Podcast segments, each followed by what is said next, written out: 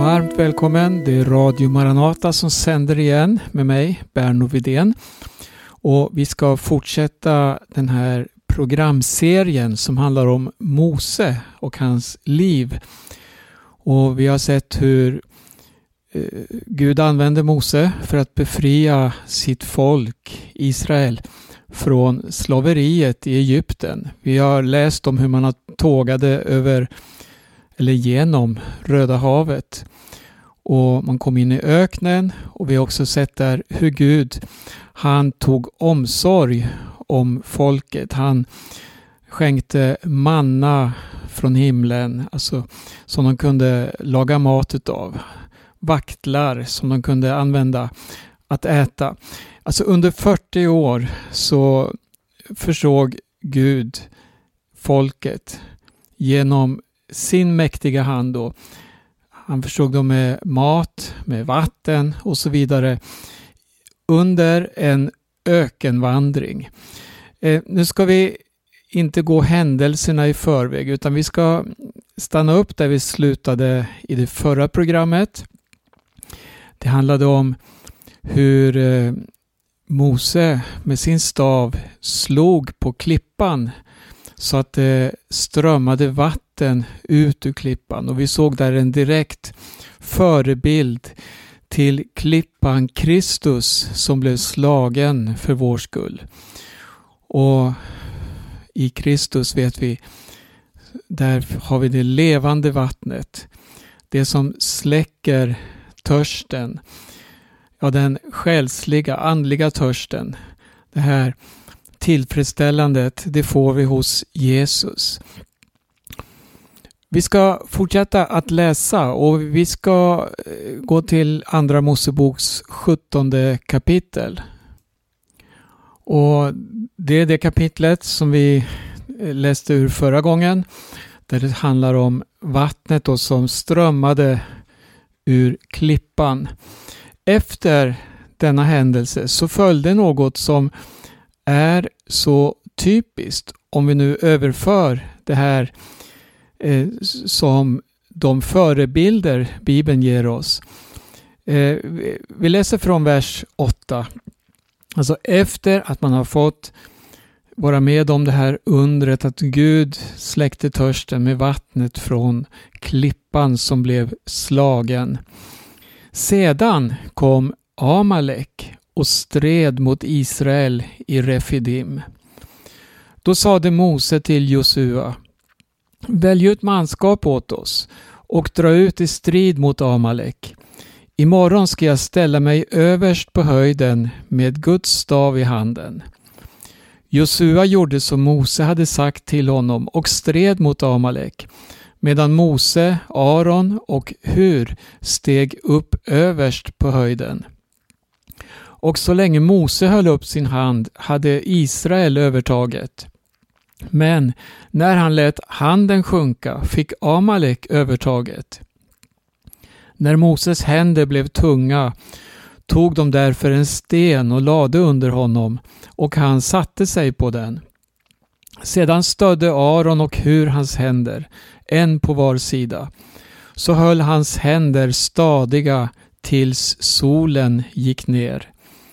Och Josua besegrade Amalek och hans folk med svärd. Herren sade till Mose Skriv upp detta i boken så att ni inte glömmer det och inpränta det hos Josua för jag ska utplåna minnet av Amalek så grundligt att det inte finns mer under himlen. Och Mose byggde ett altare och gav det namnet Herren mitt baner. Han sade en hand har lyfts mot Herrens tron. Herren ska strida mot Amalek från släkte till släkte. Helt kort. Amalek är en bild i Bibeln på köttet. Alltså den här striden som finns mellan köttet, den kötsliga människan och den andliga människan. Kött kan aldrig ärva Guds rike läser vi om. Och det finns ingen som genom sina egna gärningar någonsin kan nå fram till Gud eller bli frälst. Utan att vi blir frälsta, det är att vi blir pånyttfödda. Vi blir född av ande. Alltså det under som Gud gör i varje människa. Och det här bygger helt och hållet på Guds nåd, Guds omsorg, ja, Guds vilja. Han vill verkligen frälsa varje människa på den här jorden. Han vill rädda. Och då är det ett andens verk som äger rum i varje människa som tar emot Jesus. Och då är det ständigt en strid mot köttet.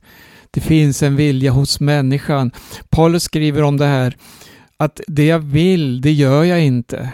Och det jag inte vill, det gör jag. Så beskriver han i Romarbrevet 7 den här kampen som fin, finns inne i varje människa. Och något av det eh, kan vi utläsa i den här texten om Amalek. Amalek skulle utrotas, står det. Och köttet är dömt till förgängelse. Men det vi läste om tidigare, det var ju ett livgivande vatten. Alltså klippan blev slagen och det strömmade vatten ut ur klippan. Och eh, Amalek kom och stred mot Israel. Och då står det att Mose han bjuder Josua. Josua var ju den som senare kom att efter efterträda Mose som ledare för folket. Josua fick uppdraget här, välj ut manskap och dra ut i strid mot Amalek. Och så säger han att han själv ska ställa sig överst på höjden med Guds stav i handen. Och så följer här en strid. Josua han befinner sig på slagfältet. Och Mose han befinner sig på höjden. Och då står det att Mose, Aron och Hur tillsammans befann de sig på höjden. Och vad gjorde de där? Och vad hade det för inverkan på striden? Drog de sig undan? Flydde de? Nej, de utgjorde en tross. Alltså en backup, en, en, eh, en, en kraftkälla för dem som befann sig längst framme vid fronten och stred. Och på vilket sätt så eh, hade då Mose eh, den här uppgiften? Det står om honom. Han lyfte staven. Han höll upp sin hand. Och så länge han höll upp sin hand hade Israel övertaget. Men när han lät handen sjunka fick Amalek övertaget. Jag tänker på bönen. Bönen har en oerhörd makt. Många gånger så underskattar vi det och det är väldigt lätt att man försummar bönen. Men kom ihåg att bönen det är den kanal som vi har för att ha gemenskap med Gud, kommunicera med Gud, men det står också att vi får bedja om vad helst vi vill. Och, och så det här att få bedja efter Guds vilja. När, vi, när jag läser det här om Mose då som höll upp sin hand och under den eh, tiden som han stod där med armarna upplyfta, ja då hade Josua övertaget. Men då han slutade, eller han, han liksom gav efter, händerna sjönk, de blev för tunga, ja då fick Amalek övertaget. Vi kan hålla på att kämpa, vi kan eh, ja, slå oss blodiga, vi kan liksom använda all vår styrka, all vår kraft och inte åstadkomma någon framgång, någon andlig förändring, något som, som ja, bär frukt för Guds rike. Men då vi låter arbetet förenas med bönen, då ser vi att Gud träder in på ett speciellt sätt. Han svarar på bön. Det finns ett eh, talesätt som säger så här att arbete utan bön, det är slaveri. Och bön utan arbete, det är svärmeri. Men arbete och bön tillsammans, det blir harmoni. Och det, det är det här harmoniska livet i Kristus. Att få arbeta sunt för evangelium och vara buren av bönen. Det, det, det, det, framkommer så tydligt i den här berättelsen om Josua. Om inte Mose hade stått där, om inte han hade funnits och lyft sina händer och inför Gud, inför den här striden, ja då hade Josuas kamp varit övermäktig. Och Det är så viktigt det här också i, i eh, den kristna gemenskapen, i församlingen, att vi är med och beder för varandra, med varandra, beder för Herrens vittnen, beder för människors frälsning och så vidare. Det finns eh, eh, en till sak jag vill ha med här. Det står om Aron och hur. Eh, Mose han bad han lät, hade sina händer upplyfta, men handen sjönk. Hans händer blev för tunga. Och då kom Mos, förlåt, då kom Aron och Hur honom till hjälp och lyfte upp hans händer. De, på det sättet så hölls han händer stadiga tills solen gick ner och Josua besegrade Amalek. Och Det här visar också hur viktigt det är med just församlingsgemenskapen. När Bibeln talar om församlingen då, då är det inte det här eh, konstitutionella, det här institutionerna vi ser, den här organisationen, utan det handlar om eh, organismer. En levande kropp Alltså församlingen framställs som en kropp där Kristus är huvudet och var och en av oss är lemmar i den kroppen.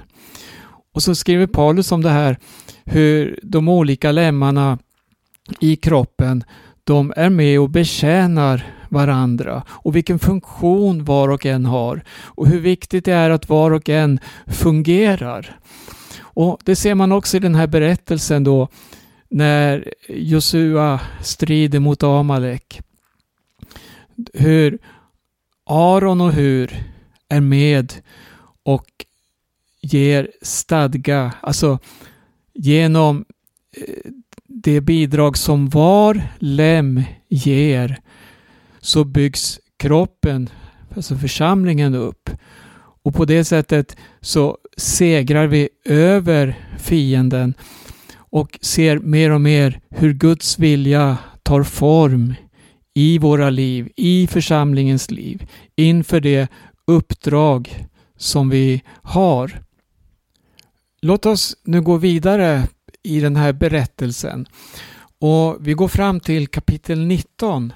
Här kan vi läsa om hur folket då lämnade Refidim och kom till Sinai där man slog läger mittemot berget.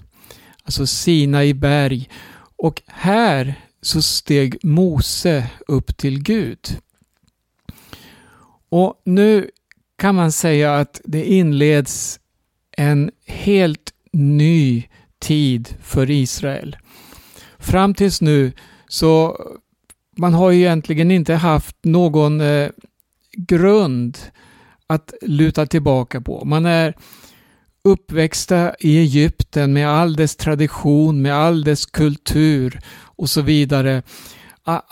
Det här som Gud ville ge till sitt folk som en grund för hela nationen, ja det hade man ännu inte fått se. Och de här värderingarna som finns in, inom Guds lag och nu kommer vi in på något som kallas för lagen. Eh, allt det här, det är, på ett sätt så finns det nedlagt i varje människa att göra det som är rätt. Gud har nämligen gett oss ett samvete. Men eh, hela nationen Israel var så färgad utav den egyptiska kulturen. Och nu skulle man få presenterat för sig Guds ord. Och Gud skulle på ett speciellt sätt manifestera sig. Det står här att Mose, han steg upp till Gud. Och då ropade Herren till honom uppifrån berget. Så ska du säga till Jakobs hus. Så ska du förkunna för Israels barn. Ni har själva sett vad jag har gjort med egyptierna och hur jag har burit er på örnvingar och fört er till mig. Om ni nu hör min röst och håller mitt förbund ska ni av alla folk vara min dyrbara egendom, för hela jorden är min. Ni ska för mig vara ett rike av präster och ett heligt folk. Detta är vad du ska tala till Israels barn. Vi ser alltså hur någonting helt nytt påbörjas bland folket här. Gud förde ut dem från slaveriet. Vi, tar, vi är tagna ut ur världen. Men inte för att hamna i ett vakuum. Man befann sig nu i öknen här. Nej, Gud har inte övergett sitt folk. Utan nu visar han dem på sina principer. Han visar dem på sin vilja. Hör, hör min röst. Håll mitt förbund. Och då, då ska ni av alla folk vara min dyrbara egendom. Och så för, förklarar han här, hela jorden är min. Jag tror det var viktigt för Israel att få höra det här. Att nu skulle man eh, få påbörja någonting helt nytt. Man skulle beredas för att komma in i det nya landet. Det står här också att man ska vara ett rike av präster och ett heligt folk. Och eh, vad betyder det här? Ja, om, om vi går in i Nya Testamentet igen. Vi kan exempelvis läsa Petrus första brev, andra kapitlet. Han skriver här om församlingen. Och när vi läser det här, vi, vi tänker hela tiden på att Gamla Testamentet pekar framåt mot Kristus och mot det som äger rum då i Nya Testamentet där församlingen är född av Gud till att utgöra ett Guds folk här i tiden. Då står det så här i andra Petrus 2, förlåt, första Petrus 2.9. Men ni är ett utvalt släkte, ett kungligt prästerskap, ett heligt folk, ett Guds eget folk för att förkunna hans härliga gärningar. Han som har kallat er från mörkret till sitt underbara ljus. Ni som förr inte var ett folk är nu Guds folk. Ni som inte hade fått barmhärtighet har nu fått barmhärtighet. Här ser vi en, en, en uppfyllelse av det här löftet som Gud gav till Abraham om att han skulle bli en fader, inte bara för Israel utan för många folk. Och hur alla folk på jorden ska bli välsignade genom detta ena folk. Alltså vi hedningar, alla som inte är judar, alla som inte eh, är av Israel är enligt Bibeln då hedningar. Men i och genom Jesus Kristus, han var jude. Han föddes som en jude. Han, vi kan läsa hans släkttavla i, i, i två av evangelierna och se hur två olika linjer förenas. Och det är så tydligt, det är så överbevisande vilka rötter Jesus har ända bak till den första människan. Men speciellt ser vi en linje som går från Abraham och framåt.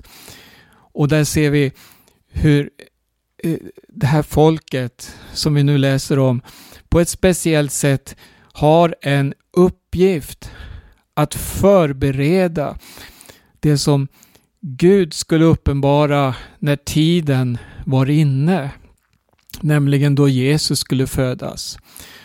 Och det som skulle ske då, det var just det här att alla folk skulle bli välsignade genom Abraham. Och det har vi fått se, kom ihåg, det är genom Jesus Kristus. Och på det sättet så kan vi kallas Guds barn, också vi. Vi är ett utvalt släkte, ett kungligt prästerskap, ett heligt folk och vi som för inte varit folk är nu Guds folk. Det här är nåd utöver nåd. Och allt vad det här innebär, det finns det väldigt mycket att säga om också. Det, ja, vi har ju fått ett evigt liv genom Herren Jesus Kristus. Vi, vi ska fortsätta ta med något mer från det här kapitlet. Det, det kommer fram detaljer här som är viktiga att, att säga något om.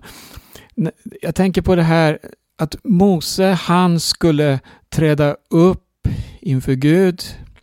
Men han fick också befallningen att ingen annan fick stiga upp på berget. Så här står det i vers 12. Du ska märka ut en gräns för folket runt omkring berget och säga Akta er för att stiga upp på berget eller komma nära dess fot. Var och en som kommer nära berget ska straffas med döden. Men ingen hand får röra vid honom utan han ska stenas eller skjutas. Det gäller både djur och människor, de får inte leva. När jubelhornet ljuder med utdragen ton, då får det komma upp på berget. Och Mose han gick ner från berget till folket och helgade dem och de tvättade sina kläder. Och han sa till folket, håll er beredda till i övermorgon. Ingen får komma nära någon kvinna. Och det, det, här, det här var en väldigt viktig del i det hela. Handlar det om att utesluta, att, att avskärma, att, att distansiera folket från Gud? Nej, det är så att ingen kan se Gud och leva. Han är helig alltigenom helig och han kan inte på något sätt ha gemenskap med synden.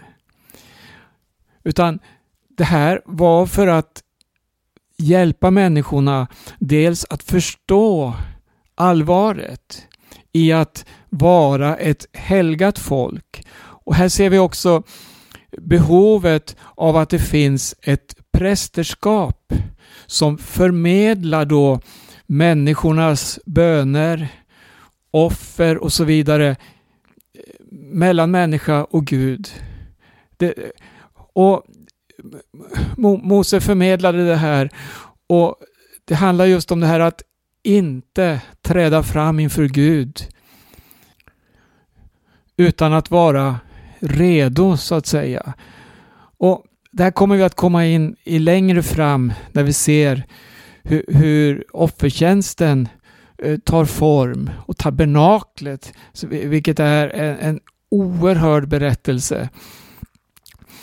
Men nu så skulle man hålla sig undan alltså. Och sen står det så här på tredje dagen när det hade blivit morgon började det dundra och blixtra. Ett tjockt moln lade sig över berget och ett mycket starkt basunljud hördes. Allt folket i lägret bävade. Men Mose förde ut folket ur lägret för att möta Gud och de ställde sig nedanför berget. Hela Sinai täcktes av rök för Herren hade stigit ner på berget i eld. Rök steg upp därifrån som röken från en smältugn och hela berget skakade våldsamt. Basunljudet blev starkare och starkare. Mose talade och Gud svarade honom med hög röst. Ja, vi, vi ser här att det var verkligen en speciell dag. En mycket speciell tid i Israels historia. Man stod nu inför att gå in i någonting helt nytt. Vad var det nya som låg framför? Vad var det som förväntades? Men nu såg alla människor det här som hände. Eh, hur Gud, han manifesterade sig. Han riktigt visade folket, gör er redo. Han varnade folket så att ingen skulle tränga sig fram till Herren för att se, vilket skulle resultera i att många skulle falla ner döda.